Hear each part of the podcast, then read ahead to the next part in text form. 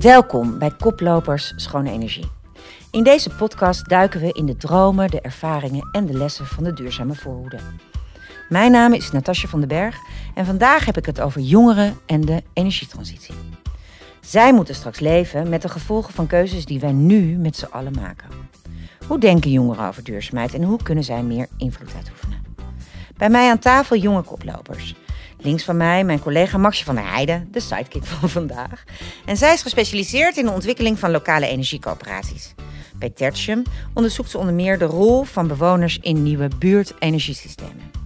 Daarnaast is ze als jongerenvertegenwoordiger actief bij Jongres Noord-Holland. Maxje, wat is dat eigenlijk, Jongres? Nou, wat Jongres gedaan heeft de afgelopen anderhalf jaar is de stem van jongeren laten doorklinken in die ontwikkeling van die ressen. Wat is een res? Res regionaal energiestrategie. Regionale energiestrategie. Daarin laten gemeenten weten, of eigenlijk regio's weten, hoe zij in de toekomst eh, energie willen gaan opwekken, duurzaam. En in die plannen, dus in de versie 1, hebben wij als jongeren laten horen wat vinden wij er nou eigenlijk van. En met name nadruk op het punt meer. We willen meer, we willen beter. Maar ook ruimte houden voor die jongeren die misschien wel wat conservatiever denken. Gewoon het geluid van de jongeren. Ja, dus een RES, regionale energiestrategie, de, toen het klimaatakkoord werd afgesloten op landelijk niveau. Toen werd het land ondergedeeld in niet 12 provincies, maar in 30 ressen. Ja. In regio's. Die moeten een strategie bedenken om hoe gaan ze duurzame energie opwekken. Daar zijn dus 30 verschillende sessies en, en strategieën en plannen voor bedacht. En jullie zitten bij al die 30 verschillende regio's aan tafel als jongressen. Ja. Nou hebben we het vandaag over duurzaamheid en jongeren of energietransitie en jongeren. Hoe jong was jij dan toen je met dit onderwerp begon? Toen je hierover ging nadenken, toen je hierbij betrokken werd? Het ene antwoord is eigenlijk al mijn hele leven, maar dat geldt volgens mij voor de, onze hele generatie. Wij zijn opgegroeid met het nieuws. Klimaatverandering komt eraan en jij krijgt ermee te maken. Dus in dat antwoord zou ik zeggen mijn hele leven. Iets toegepast zou ik zeggen eh, sinds mijn studie. Ik heb politicologie gestudeerd, ben uiteindelijk in het wereldje van energiecoöperaties gerold en toen ben ik er wat, wat steviger over na gaan denken. Ja, dus jouw scriptie ging ook over dit onderwerp. Precies, ja. Ja, en wat is er nou zo leuk aan? Nou, leuk is het eigenlijk helemaal niet. Het is helemaal niet Het is leuk. helemaal niet leuk. Oké, fijn. maar ik voel een soort urgentie, waardoor het voor mij betekenisvol en zinvol wordt. Ja. En ik zie ook wel de kansen die erin liggen. Dat maakt het wel leuk. Ik zie ook kansen om onze maatschappij gewoon interessanter in te delen. Ja. En dat maakt het wel leuk. Oké. Ja. Nou, naast jou zit Nikki Trip. Zij was tot afgelopen juni voorzitter van Studenten voor Morgen, het Nationale Studentennetwerk voor Duurzaamheid in het Hoger Onderwijs. En tegenwoordig is ze als spreker, opiniemaker actief op het gebied van jongeren en duurzaamheid. Nikki, Max je net al even gesproken, maar wat drijft jou om dit onderwerp zo belangrijk te vinden? al het onrecht wat ik eigenlijk zie in de wereld en in Nederland. En een van die dingen is eh, natuurlijk klimaatverandering. Maar een ander ding wat daar ook mee te maken heeft, is dat jongeren eigenlijk gewoon niet genoeg gehoord worden en ook niet serieus genomen worden. Dus terwijl de oude generaties die nu de macht hebben, hebben de klimaatcrisis ook nog niet opgelost. En die weten ook niet precies hoe dat moet, want het is voor hen ook de eerste keer. Dus ik denk dat alleen senioriteit niet genoeg is om het op te lossen. Ik denk dat je met z'n Blijkbaar allen niet. Blijkbaar niet. So Ja. far eh, nog niet helemaal geslaagd. Dus ik denk dat we het met z'n allen moeten doen. En daarvoor moet je zorgen dat er eerlijke representatie en participatie is van alle generaties. Dus ook zeker de jongere generaties. Dus dat wil ik verbeteren en dat eh, drijft mij. Ik zou het ook liever niet doen. Als het niet nodig was geweest, helemaal top. Had ik een andere passie gevonden.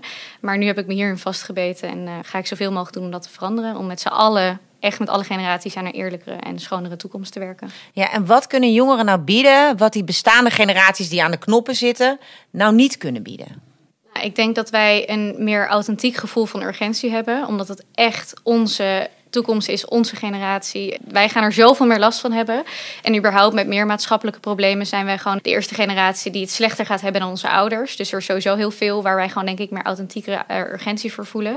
En gewoon frisse nieuwe ideeën. En ik denk hoe meer perspectieven, hoe beter. Dus als wij iets kunnen toevoegen, geef ons die kans dan. De derde persoon hier aan tafel is Rogier Duif. Hij werkt als energieadviseur bij DWA, een ingenieursbureau dat zich toelegt op technische oplossingen op het gebied van duurzame energie. Wat doe je dan precies? Hele enthousiaste vraag, inderdaad. Ik hou me eigenlijk best wel bezig in de praktijk. Ik ben nooit heel activistisch of zo geweest. Ik wilde vroeger eh, uitvinder worden. Dus dan is ingenieur toch de next be- best thing, zeg maar. Ja, wat ik vaak doe, is ik zit vaak in de wijk. Dus een wijk is of enthousiast om te verduurzamen. En wij focussen ons vooral op warmte. Dus waar de rest zich focust op bijvoorbeeld elektriciteit en dat soort dingen, kijken we echt naar warmte. Wat we dan doen is met bewoners in gesprek gaan van we gaan er heel open in. Uh, we zijn een technisch adviesbureau, maar we zijn verrassend sociaal, als ik het zo mag zeggen. Dus we gaan er open in. Meestal is energietransitie niet het enige wat er speelt in een wijk. En ja, dan brengen we in kaart wat willen jullie eigenlijk met de wijk? En vaak hebben mensen daar hele goede ideeën over en past daar de energietransitie ook nog best wel goed in. Zolang ook maar andere aspecten worden aangepakt. Ja, en vervolgens gaan wij met dat technische deel aan de slag en zoeken we andere partijen erbij om de andere problemen mee te helpen oplossen. Nou, wat leuk. Ingenieus. Als ik dat gebruik als woord, snap ik dat beter dan ingenieur. Want dat is eigenlijk wat je doet. Het is een soort creatief meedenken met partijen om slimme oplossingen te ja, vinden. Ja, en vervolgens mag ik het ook wel allemaal uitrekenen. Maar dat vind ik juist het hele leuke. Dat mijn opleiding was vrij technisch, maar dat je juist dat hele scala mag doen. Nou, fijn. Goed, in de podcast doen we ook altijd niet alleen maar meningen, maar ook feiten. Dus we beginnen altijd even met een, na de introductie van de gasten met een blokje harde data. En Maxje, jij hebt uh, als mijn sidekick wat opvallende feiten meegenomen. Dus vertel. Ja, nou, we zijn hier dus zogenaamd met eh, jongeren. Hoeveel jongeren zijn er dan in Nederland? Iets minder dan een derde van de Nederlandse bevolking is 25 jaar of jonger. En daarmee volgt het CBS een jongere. Best veel. Is dat veel? Nou ja, je zou denken in een vergrijsd land komen we niet op een derde uit, maar het is best veel. Oké, nou ja. We hebben het over feiten, niet over mening. Ja, Tweede feit. Volgens een onderzoek van het INO Research kijkt 90% van de Nederlandse jongeren positief aan tegen het feit dat er steeds meer duurzame energie wordt gebruikt in Nederland. Ongeveer 70% zou willen dat de meerderheid in de toekomst duurzame energie gebruikt. En dan de derde. Wereldwijd zien jongeren klimaatverandering als een groot probleem dan de generaties voor hen. Ja, dat, dat is eigenlijk wat jullie net zeiden. Hè? Het is de generatie, of jij zei dat heel erg goed, Nicky. Waarom is het zo belangrijk dat jongeren aan tafel zitten? Nou, omdat zij die urgentie meer dan eerdere generaties voelen. Ze zijn gewoon ook heel calculerend. Zij leven deze eeuw. Terwijl ik moet nog maar zien hoe ver in deze eeuw ik nog uh, besta. Goed, dat is interessant. Hè? Dus vertel, wat valt op in dit lijstje van feiten? Nou, ik denk wat je net noemde, de aanstaande vergrijzing, is best wel een uitdaging. Ja. Want aan de ene kant, het is een groter probleem voor de jongeren, omdat ze er gewoon meer jaren mee moeten dealen. Maar aan de andere kant zie je toch dat de invloed van jongeren toch nog beperkt is in de politiek, maar ook op financieel vlak. Dat is gewoon heel jammer. Dus ik denk dat jongeren nu toch nog op een andere manier moeten spelen. De invloed komt denk ik vanzelf. maar dan ben je geen jongere meer. Maar dan ben je geen jongere meer. Dus ja, wat, wat, wat, ligt er dan voor de jongeren? Ja, toch ook wel, denk ik, de andere generaties inspireren en ook helpen om deze transitie ook mogelijk te maken. Dus ouders, uh, ooms, tantes, opa's, oma's.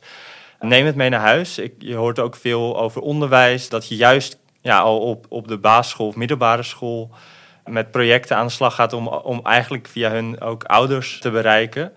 Dus ik denk voor nu oefen je invloed uit waar je kan. Hmm. Ja, je hoort vaak sentimenten van ik doe het voor mijn kleinkinderen.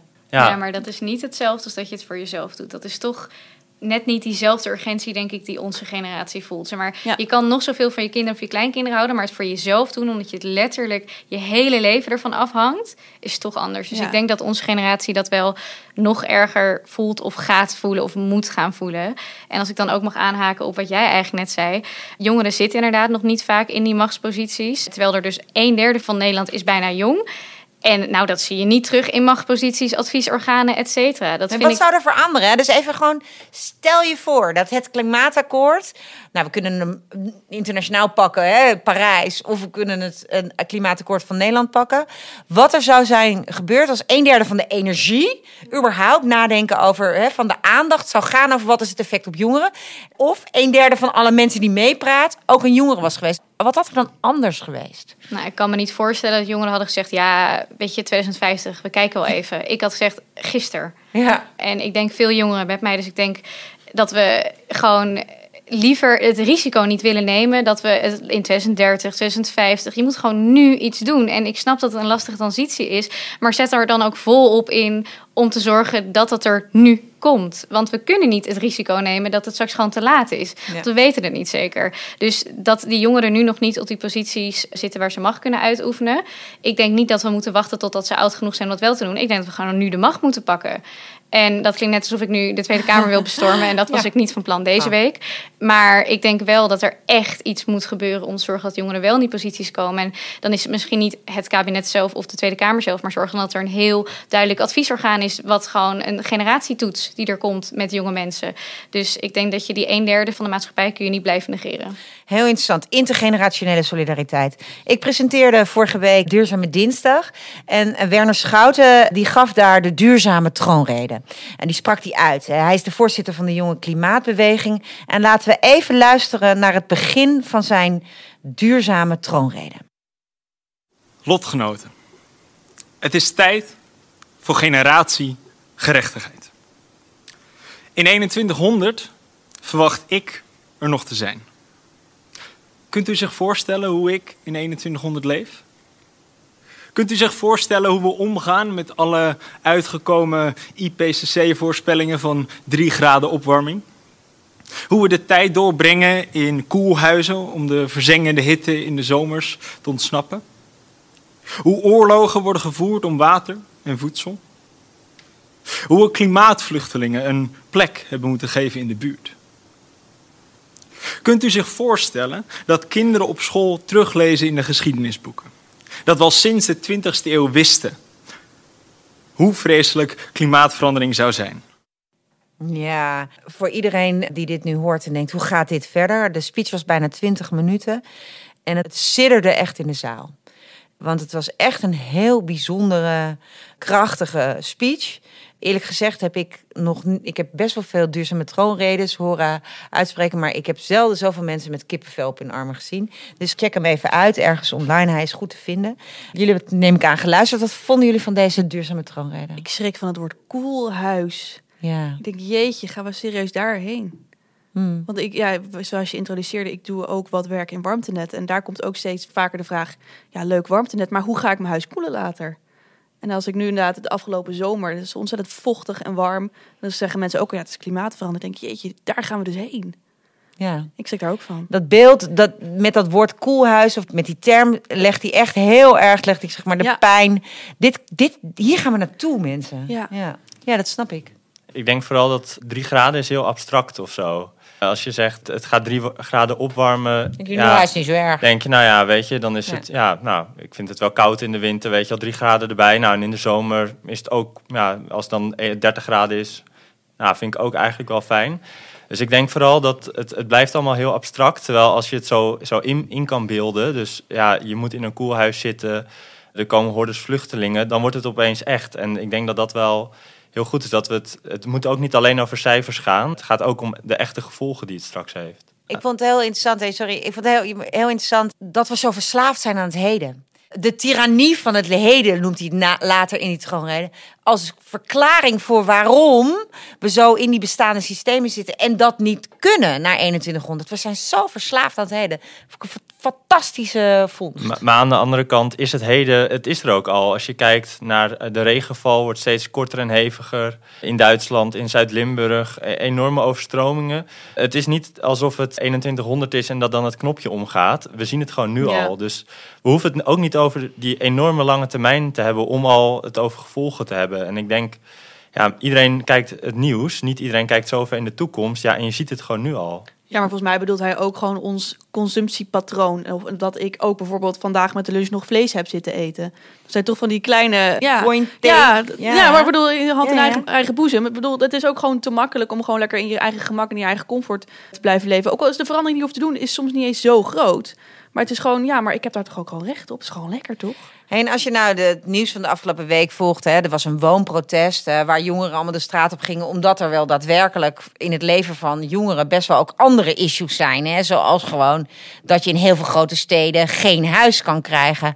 In die zin zit er ook op andere onderwerpen dan klimaatverandering best wel veel urgentie rond problemen. Zien jullie dat? Dat veel jongeren zich meer focussen op die crisis dan de crisis waar we het vandaag over hebben? Nou, ik zie wel, ik weet niet per se bij jongeren, maar meer met de maatschappij, dat we bijvoorbeeld corona dan heel erg aangrijpen om daar bijvoorbeeld nu op te focussen. En daardoor bijvoorbeeld bepaalde klimaatdingen dan weer uitstellen. Terwijl het heeft allemaal ook met elkaar te maken. En je kan niet dan klimaat maar even on hold zetten en dan corona voor laten gaan. Ik snap dat dat ook belangrijk is, maar dat wil niet zeggen dat je het ander kan negeren. Want laatst was dit nieuws, volgens mij gisteren of vandaag, dat de CO2-uitstoot weer terug is naar hoe het was voor corona. Dus daar zijn we gewoon weer terug.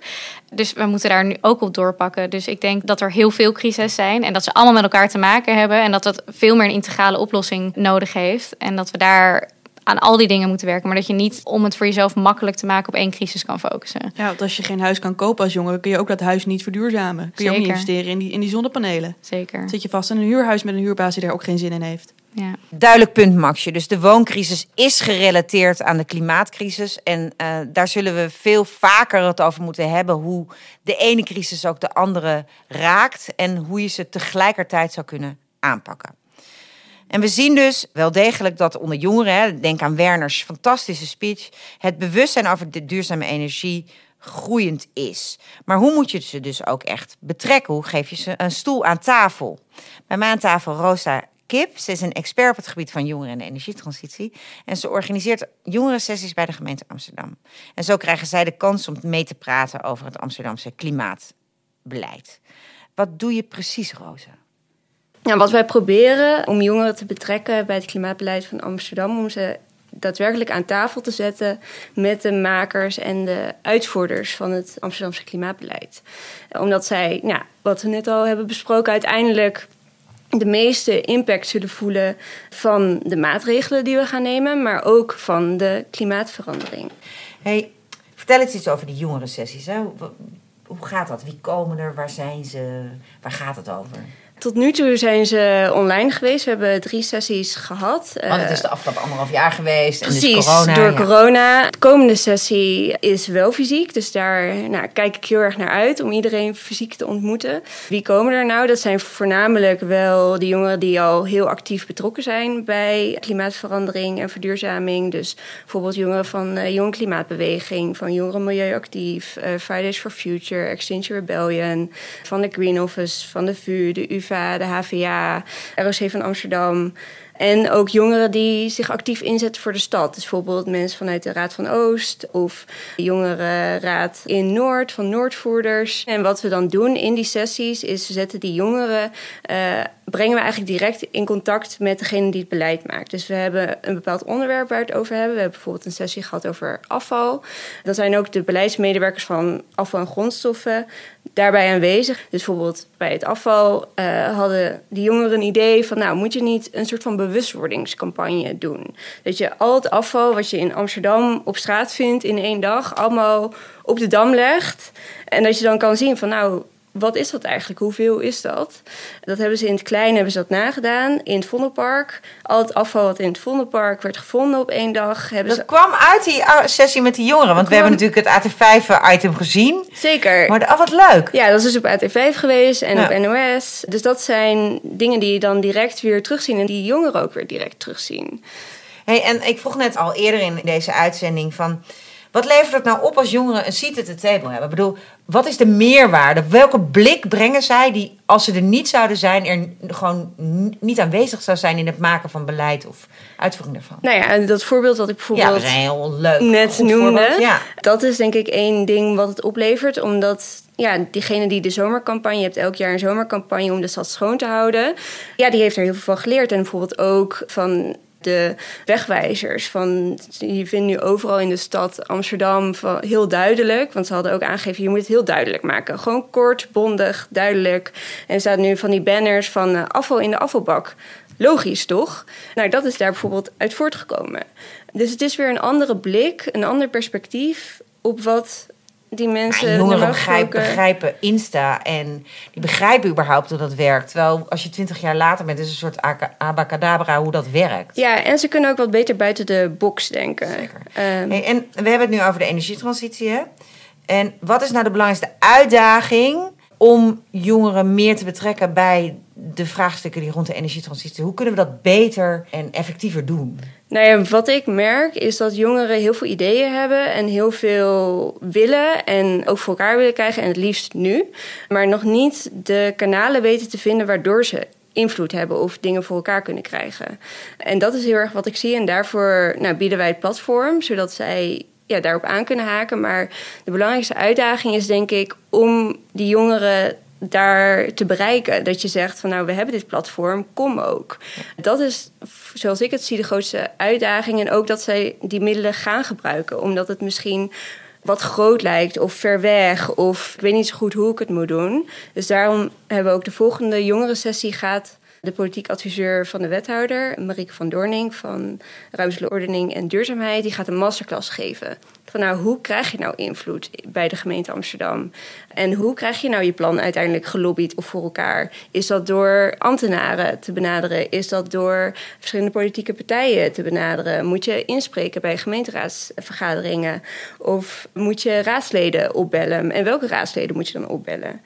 Zo, dus als je dit nu hoort en je denkt, dit moet ik begrijpen, want ik loop al de hele tijd met een briljant idee, maar ik heb geen idee, want 14020 bellen, dat helpt echt niet, zeg maar. Ja. Dus hoe kan ik dat effectief doen? Dan moet je gewoon meedoen met deze campaigning training. Het is wel zo dat als deze podcast online is, dan is de sessie al geweest. Dus Maar dan dat doen is jammer. keer. Maar dan kunnen we het gewoon nog een keer doen. Als er heel veel animo is hierna, na het luisteren van deze podcast, zou ik zeggen, laat het horen. Dan eh, gaan we gewoon nog een keer zo'n Nou, masterclass check haar uit, hè. Rosa Kip heet ze. Ben je een beetje goed te vinden? Zeker. Ik denk als je mijn naam, eh, gemeente Amsterdam, dan kom je op de jongerensessie duurzaamheid van eh, amsterdam.nl. En dan eh, kun je me mailen. Je kunt me ook mailen op r.kip.amsterdam.nl. Nou, het zou echt te gek zijn als we gewoon allerlei campaigners erbij hebben... die echt precies weten welke raadsleden ze moet bellen om effectief te zijn. Dank je wel, heel interessant. En belangrijk dat jullie dus op de een of andere manier ook proberen te zorgen... dat die jongeren die kanalen vinden...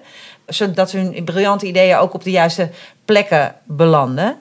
Dankjewel Rosa Kip en heel erg veel succes met die, die campaigningactie. Ik ben benieuwd of er radicalere voorstellen komen van de jongeren die ook echt uitgevoerd worden. Volgende keer wel even de credits ook aan die jongeren geven. Hè? Want wij hier aan tafel wisten helemaal niet dat die, eh, dat fantastische idee in het Vondelpark van de jongeren kwamen. Goed, Maxje, vertel. Jij zit bij dat jongres, hè? Wat doen ze dan precies? En hoe zorg je ervoor dat die mening die jongeren dan hebben ook echt nou ja, effect heeft op die politiek? En hoe zorgen we ervoor dat dat ook echt eh, mensen worden met veel invloed? Ja, dus wat we tot nu toe hebben gedaan, dat heb ik verteld. Eh, We staan in een paragraafje in, de, in die rest. Ja, daar was je niet zo tevreden over. Nou ja, we, gaan, we, we, ze bieden nu ons wel de kans om verder te gaan. eh, die de organisatie van Jongres. Wat we nu het komende jaar willen gaan doen, is in elke gemeente in Noord-Holland-Noord jongerentafels organiseren. Waarin jongeren in die gemeente echt in gesprek gaan met hun bestuurders. En dat willen wij eigenlijk gaan faciliteren. Dat wij gaan dat gesprek dan eh, leiden, organiseren, zorgen dat er een zaaltje is. Gewoon al die praktische dingen. Eh, dat wat net eigenlijk Rosa ook al vertelde, dat willen wij dus eh, gaan doen. En nou ja, goed, als je dan als gemeenteraadslid of als, als ambtenaar er dan niks mee doet, ja, dan, dan heb ik ook mijn best gedaan, om het zo maar te zeggen. Nou ja, behalve dan dat je natuurlijk moet zorgen dat die, al die ambtenaren die dat dan doen Ja. aan tafel zitten en ook terugkoppelen wat ze met die ideeën doen. Je moet even wel, ik bedoel, goede voorbeelden meteen jatten. Ja. Dus ik zou zeggen copy-paste. Heel goed, Nikki, dat hoger onderwijs, steeds meer jongeren die, nou ja, je denkt als je gaat studeren dan kom je wel eens op een plek met invloed. Sommigen wel, sommigen niet. Maar hoe zorg je er nou voor dat die ideeën van jongeren op tafel komen, maar ook dat die jongeren ook met die ideeën komen, dus dat ze die ontwikkelen? Ja, ik denk dat dat inderdaad twee onderdelen zijn. Want je wil eerst jongeren die eh goede ideeën hebben, maar ook wel dat ze eh, dermate wel of ingelezen zijn of dat ze er iets van begrijpen dat, je, dat ze mee kunnen praten. Dat is natuurlijk echt een barrière. Dat als het heel ingewikkeld is en in de nou, energietransitie kan het heel technisch worden, dan als je daar te weinig van af weet of helemaal niks van af weet, ja, hoe kan je daar dan iets van vinden of aan bijdragen? Dus ik denk ten eerste dat het hoger onderwijs of überhaupt het onderwijs echt als taak heeft om dat beter mee te gaan nemen. Maar überhaupt eigenlijk alles wat klimaat betreft is het gênant dat er gewoon mensen van economieopleidingen afkomen die denken dat groei, groei, groei het antwoord is op alles. Dat, nou, ik snap daar helemaal niks van hoe dat nog een ding is. En dat is met heel veel studies zo. Dus ik denk dat de energietransitie er heel erg baat bij zou hebben als we niet alleen op technische studies die daar al op gericht zijn, die dus al een bepaalde zelfselectie hebben, dat je daar meer leert over de energietransitie en dan kan meepraten. Maar zorg er ook voor dat andere studies, die waarschijnlijk ook iets interessants te zeggen hebben, dus ook als het gaat over communicatie of sociologen of filosofen, dat zij ook hier een basis van meekrijgen. Dat je een soort van basisvakken hebt die over klimaatverandering, et cetera, gaan. En ook dit wordt in meegenomen. Dat zij ook dus betrokken worden bij het gesprek en dus kunnen meepraten, omdat zij waarschijnlijk ook weer een ander perspectief hebben. Dus niet alleen qua leeftijd. Hè. Jonge mensen hebben überhaupt denk ik een ander perspectief, maar ook binnen die groep. Dat je niet alleen maar de technische mensen hebt die al op dat onderwerp zitten, maar dat je heel veel mensen hebt, heel diverse soort groep jongeren die daarover mee willen praten. Eh, en dat je die dus ook betrekt, want daar komen waarschijnlijk alleen nog maar betere ideeën uit. Rogier, hoe vaak is in jouw studie, want jij bent dan techneut, hè? Ja, Is het woord klimaatverandering eigenlijk gevallen? zeer weinig. En dat is nog niet zo lang geleden dat jij van de universiteit afkwam. Nee, nee. Het- Je ziet dat de opleidingen echt heel erg achterlopen. Ik had zelf echt, eigenlijk echt wel wat ik nu doe, had ik eigenlijk alles over willen leren in mijn studie. Maar het, het was er gewoon niet. En het is er nog steeds niet helemaal. Het begint nu wel te komen. En ik denk inderdaad wat Nick zegt, dat is gewoon heel jammer. Waar ik in geloof is dat iedereen zijn talenten ja, in kan zetten, ook voor de goede zaak. Dus ik denk dat we ook gewoon een positieve benadering daarin nodig hebben van... het maakt niet zo heel veel uit wat je talenten zijn. Je kan het inzetten ook voor het goede. Als jij gespecialiseerd bent in uh, zelflerende AI-systemen. Dat kan je inzetten om, om mensen meer likes... Artificiële intelligentie. Ja, dus dat kan je inzetten om mensen meer likes uh, te geven op Instagram en Facebook. Maar je kan het ook inzetten om duurzame systemen nog efficiënter te maken. Dus wat ik vooral denk dat we jongeren ook in hun waarde moeten laten... dat je gewoon bij kan dragen... En waar ik, dat, daar ga ik altijd een beetje op af, is dat jongeren ook heel vaak negatief bejegend worden. Ook door ouderen, maar ook door andere jongeren. Dat als je een keer iets doet wat dan niet duurzaam is, dat dat hm. meteen heel erg is. Terwijl ik denk, ja, je kan ook niet alles in één dag doen. Eh, je kan niet alles in één keer goed doen. Zorg dat, dat wat je doet, dat je daarachter staat. Maar het, het mag ook oké zijn als je een keer niet helemaal perfect bent. Ja, en dan is natuurlijk de grap dat er ongelooflijk veel werk te doen is in die energietransitie. Maar we hebben ondertussen minder werkeloosheid dan ooit. Ik bedoel, er zijn zoveel banen. Maar je zou nu massaal iedereen willen oproepen die iets wil doen... om gewoon een baan te gaan nemen in de energietransitie. Want er is extreem veel werk te doen. Ja, een vriend van mij, uh, hij werkt in de licht en geluid voor festivals en congressen. En Welke festivals? Ja, heel veel. Welke niet? Maar ja, geen werk. En nu, ja, je ziet, uh, nu uh, werkt hij met zonnepanelen. En je ziet, het is gewoon niet aan te slepen gewoon. Nee. Dus ja, dezelfde skills. Ik zeg niet dat we geen festivals meer moeten, maar ja, je kan ze ook voor een, de duurzame zaak inzetten. Nee, ik bedoel, als je nu gewoon van het VMBO afkomt en je gaat een ROC-opleiding doen, dan is dit gewoon echt een te gekke de, de, sector om voor in te gaan werken. Ja, zeker. Ja. ja. Baan gegarandeerd de komende 30 jaar. denk ik wel, ja. Toch? Precies interessant dat je zei van ja, ik vind soms dat jongeren door oudere generaties een beetje uh, irritant bejegend worden, maar ook dat ze elkaar nogal de maat nemen. Is dat er aan de hand? Ja, je merkt wel dat de generaties niet optimaal samenwerken op dit moment. Er zou veel meer intergenerationele samenwerking kunnen zijn en solidariteit. Terwijl we nu soms elkaar een beetje de schuld geven. En jongeren worden dan niet serieus genomen, worden boos, gaan dan andere acties voeren. En dat wordt dan weer ook weer niet serieus genomen. Ik denk dat er heel veel winst te behalen is in die samenwerking tussen generaties. Dus dat we elkaar gewoon een keer vastpakken en zeggen: ja, we moeten toch wel met z'n allen doen. En dat jij, één iemand doet het misschien voor kleinkinderen, een ander doet het voor zijn kinderen, een ander doet het voor zichzelf omdat je zelf nog jong bent. Uiteindelijk hebben we toch allemaal het doel om de wereld beter te maken. Ik geloof wel dat de meeste mensen in ieder geval deugen. En echt wel uh, de wereld goed willen achterlaten. Of daar iets moois voor willen. Dus er valt nog heel veel te halen in die solidariteit. Als je daarnaar kijkt, dan moet je elkaar gewoon vasthouden. En juist dus bijvoorbeeld de mensen die nu de macht hebben, kunnen heel veel aanpassen om dat weer beter te maken voor jonge generaties. Of hen eerlijker te betrekken. Maar bijvoorbeeld ook in het hoger onderwijs. De besturen daar kunnen ook heel veel invloed hebben op hun studies. Waardoor er uiteindelijk jongeren uitkomen die veel beter dit werk kunnen gaan oppakken. En met hen kunnen gaan werken aan die energietransitie. Dus het is altijd een linkje heen en weer. Heel interessant dat jij zegt, we moeten dat samen doen tussen de generaties en kijken hoe we samen kunnen optrekken. Dan was ik vorige week natuurlijk bij die Duurzame Dinsdag en Extinction Rebellion kreeg daar de Duurzame Dinsdagreis aangeboden die ze geweigerd hadden. Die opriepen om radicaler te zijn. Dus hoe zien jullie dat? Nou ja, ik, ik noemde net dat ik uh, vlees heb gegeten vanmiddag. En daarin had ik mezelf eigenlijk de maat. En ik heb het wel eens over met vrienden van mij. Van wat is de invloed van bijvoorbeeld cancel culture op deze hele energietransitie? Gaan we dan inderdaad, wat jij net zei, elkaar op aanwijzen van... oh, jij bent niet 100% goed duurzaam bezig. Dus uh, hierbij ben jij cancelled en hierbij ben jij niet meer waardig in het uh, energiediscussie. Maar als je hem ook groter trekt. als jij als bedrijf wat op bekend staat niet per se heel duurzaam te zijn toch iets gaat doen met duurzaamheid, heeft dat dan waarde? Of uh, moet je dat dan gaan opwegen tegen wat ze in dit geval dan slecht doen? Ik vind dat wel een interessante discussie hoe daar de balans in zit. Hoe zie jij dat? Ja, ik, ik denk dat dat een hele goede vraag is. Uh, wanneer is het greenwashing en wanneer niet? Dus daar ging het ook een beetje over op duurzame diensten. een beetje. Daar ging het over dat, dat, was, de sponsor... Dat was statement. ING, ING, is een van de sponsors van een van de prijzen van duurzame diensten. Ja. En zij zeiden, zij hebben gewoon een hele grote fossiele portefeuille. Ja. En dat is een probleem in deze wereld. Zeker. Nou, ik denk inderdaad dat, nou, als je kijkt naar de definitie van greenwashing, is het hoeveel je goed doet, zoveel mag er ook positief naar buiten komen. Dus als je 5% heel goed doet, maar 95% van je beleggingen, et cetera, gaan niet helemaal richting de toekomst dan mag je dus maar 5% van je media-aandacht pakken op dat goede.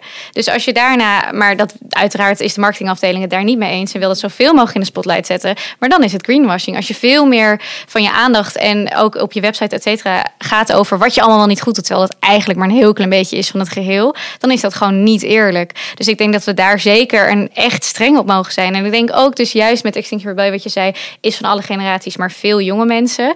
Ik denk dat jonge mensen het echt wel begrepen hebben van het is gewoon echt klaar met greenwashing. We hebben daar gewoon geen tijd voor. Nee. Ik heb zo geen tijd om te wachten op bedrijven dat ze helemaal het goed gaan doen. Terwijl ze eigenlijk denken, ik doe maar een klein beetje goed. En als ik daar een schouderklopje vervang, dan laat ik het daarbij. Ja, wat ik interessant het Faisal Lazen zei laatst van Greenpeace. Die zei, jongens even, waar staan we dan nu? In de energietransitie en in klimaatverandering. We zijn in de endgame beland. Hè, we zijn bij het schaakspel niet meer aan het begin, waar je een beetje heen en weer defensief kan spelen. Of het middenspel, waarin je strategieën gaat proberen. En niet, we zijn in de endgame. Schaakmat is nabij.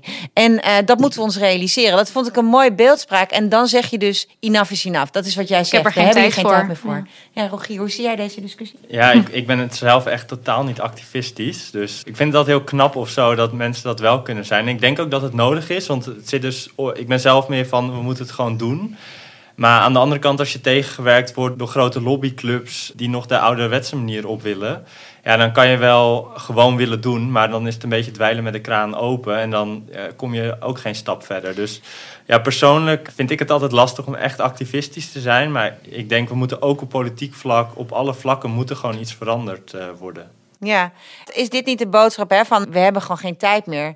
Dat is natuurlijk waarin de stem van de jongeren het meest hard moet doorklinken in die boodschap, toch? Of Ja, persoonlijk heb ik ook wel eens twijfels bij van er is geen tijd meer, kan ook lam slaan. Van ja, laat Hmm. dan maar. Ik heb wel vrienden die wat misschien wat eh, ja, rechtser stemmen dan ik. Eh, soms aanschurken tegen klimaat ontkennen. En het is ja, god, la- laat dan ook maar. Joh, wat maakt, maakt het dan nou uit? Lukt het nog om vrienden te zijn met klimaatontkenners? We hebben het er gewoon niet meer over. Oh ja, het is gewoon gecanceld als eh, onderwerp. We hebben elkaar gecanceld. Interessant. We hebben in deze podcast-serie ook altijd een eh, ruimte voor een tirade. En we gaan even luisteren naar Freek Jansen van Forum voor Democratie over dit onderwerp. Weet je wat beter is voor het milieu? Stoppen met al die windmolens overal neerzetten die bedreigde roofvogels in tweeën hakken. Stoppen met overal biomassa-centrales neerzetten waar hele bossen in de kachel verdwijnen.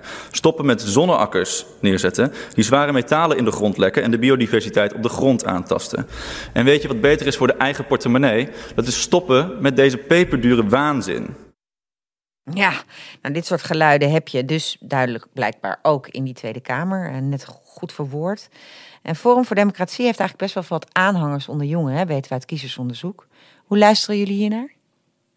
Dan denk ik altijd aan de walvissen, denk ik altijd. Waarom denk jij dan altijd Ja, aan? ja, sorry, heel stom. Maar walvissen werden gejaagd voor walvisolie. En nou, er waren bijna geen walvissen meer. Dus toen dachten wij, aardolie, dat is wel een heel goed product. Hoeven geen walvissen meer te doden. Nou, hele goede oplossing voor een probleem. Namelijk dat de walvissen uitstierven. Maar het volgende probleem diende zich aan klimaatverandering. Dus eh, daar denk ik al, altijd wel aan. Dus op zich goed dat, dat mensen kritisch zijn. Dat we nadenken over biomassa-centrales. Is dat echt een beter idee? Verdwijnen er niet echt bossen? Maar bij Forum van Democratie zie je toch echt wel dat het een politieke agenda dient om echt het klimaatverandering te ontkennen. Dus dan gaat het ja, bij mij een stapje te ver. Wat, wat ik vooral altijd jammer vind, is dat, dat klimaatverandering en duurzaamheid wordt heel erg in de linkerkant van het politieke spectrum geduwd. Terwijl ik, ik denk juist dat het voor alle partijen past het bij heel veel punten die ze maken, past ook het aanpakken van het klimaatprobleem heel goed. Ik zal doorgaan. Bij VVD komen enorm veel banen bij. Het gaat ons enorm veel banen opleveren. Als we kijken naar vluchtelingen, de- er zijn berichten dat de, eerste, dat de eerste klimaatvluchtelingen eigenlijk dat dat al de vluchtelingen uit Syrië waren. Klopt. De verwachting is dat de meeste vluchtelingen die er nu nog komen, dat dat uiteindelijk door klimaatverandering, door mislukte oogsten en dergelijke gaat komen. Dus ja, waarom zou het niet eh, ook iets rechts mogen zijn? Dat, dat, daar verbaas ik me altijd over. Ja, interessant. Nicky, eh, heb jij jongeren die Forum voor Democratie stemmen in je vriendenkring? Niet dat ik weet. Maar ik moet zeggen dat ik ook met sommige vrienden het wat meer mijt dan met anderen. Omdat ik niet altijd behoefte heb aan zo'n heel zwaar gesprek. Ook eh, als, het, als we gewoon een biertje drinken en het gezellig is. Want ik denk dat dat wel iets is wat jongeren best wel soms kan uitputten. En ik denk dat ik de mensen me hier aan tafel best wel daarmee kunnen instemmen. Dat je bent er elke dag veel langer dan 9 tot 5 mee bezig. Om gewoon problemen op te lossen en aan te pakken. En dan wil je soms thuis heel even ook een keer rust. Want het is niet alleen mijn verantwoordelijkheid om dit hele, alles wat er misgaat in de wereld op te lossen. Al voelt het soms wel zo, maar dat is niet. Dus ik probeer het soms even te laten rusten. Dus ik bespreek het niet iedereen politieke Ja, maar toch dingen. hebben heel veel jongeren voor voor Democratie gestemd. En Ja. andere partijen waar jij nu refereert, waar je tips, campagnetips geeft om ze wel degelijk te integreren. Hartstikke Ja. goed. Maar eh, zitten we dan niet toch te veel met jongeren die in de energietransitie in een groene bubbel? Moeten we er niet uit? Ja, ik denk dat we wel een beetje in een groene bubbel zitten. In ieder geval hier aan tafel denk ik dat we ze- zeer in dezelfde hoek zitten. En ik denk dat de, de FVD-stemmers, veel jongeren die daar waren, dat, dat, dat die iets anders wilden. Ik denk dat dat een heel groot onderdeel is van je wil gewoon iets anders dan wat er nu is. Dus dan stem ik dat, want het is, een, het is zeker anders. Dat kunnen we niet ontkennen. Ze zeggen hele andere dingen dan. Die vrienden van mij zeggen ook, als er een groen rechts had bestaan, heb ik, had ik daarop gestemd. Maar die is er niet. Maar VVD is het ook niet voor mij. Dan maar Forum. Ja, dus dat is heel heftig. Dus ik denk dat er zeker nog eh, wat verbeteren is in het politieke landschap wat we nu hebben. En dat er meer ruimte moet komen voor jonge, geëngageerde mensen. Om daar meer keuze in te hebben. Of ook misschien zelf dan makkelijker daar toegang toe te hebben. Om daar dan zelf hun is toch dan de oproep aan al die jongeren die dit nu luisteren, die rechts zijn eh, en groen belangrijk vinden. Kom uit je kast en ga het politieke podium op. Want eh, toch, daarmee kun je misschien. En je hebt tips gegeven over welke argumenten ze dan moeten gebruiken, Rogier. Heel goed. Ehm, goed. Dank. Het is interessant, hè? want volgens mij is dat, dat ook een grote vraag. Hoe zorgen we dat het ook in die jongerenbeweging al die verschillende jongeren betrokken worden bij dit thema? Omdat het inderdaad, zoals jullie heel erg duidelijk hebben gemaakt, jullie generatie is die als eerste generatie echt de harde klappen gaan ervaren. Hey, wij doen in deze podcast vragen wij onze panelleden ook altijd om even een praktische tip te geven. Weet je, dat hoort in een podcast. Even wat, wat kun je dan doen?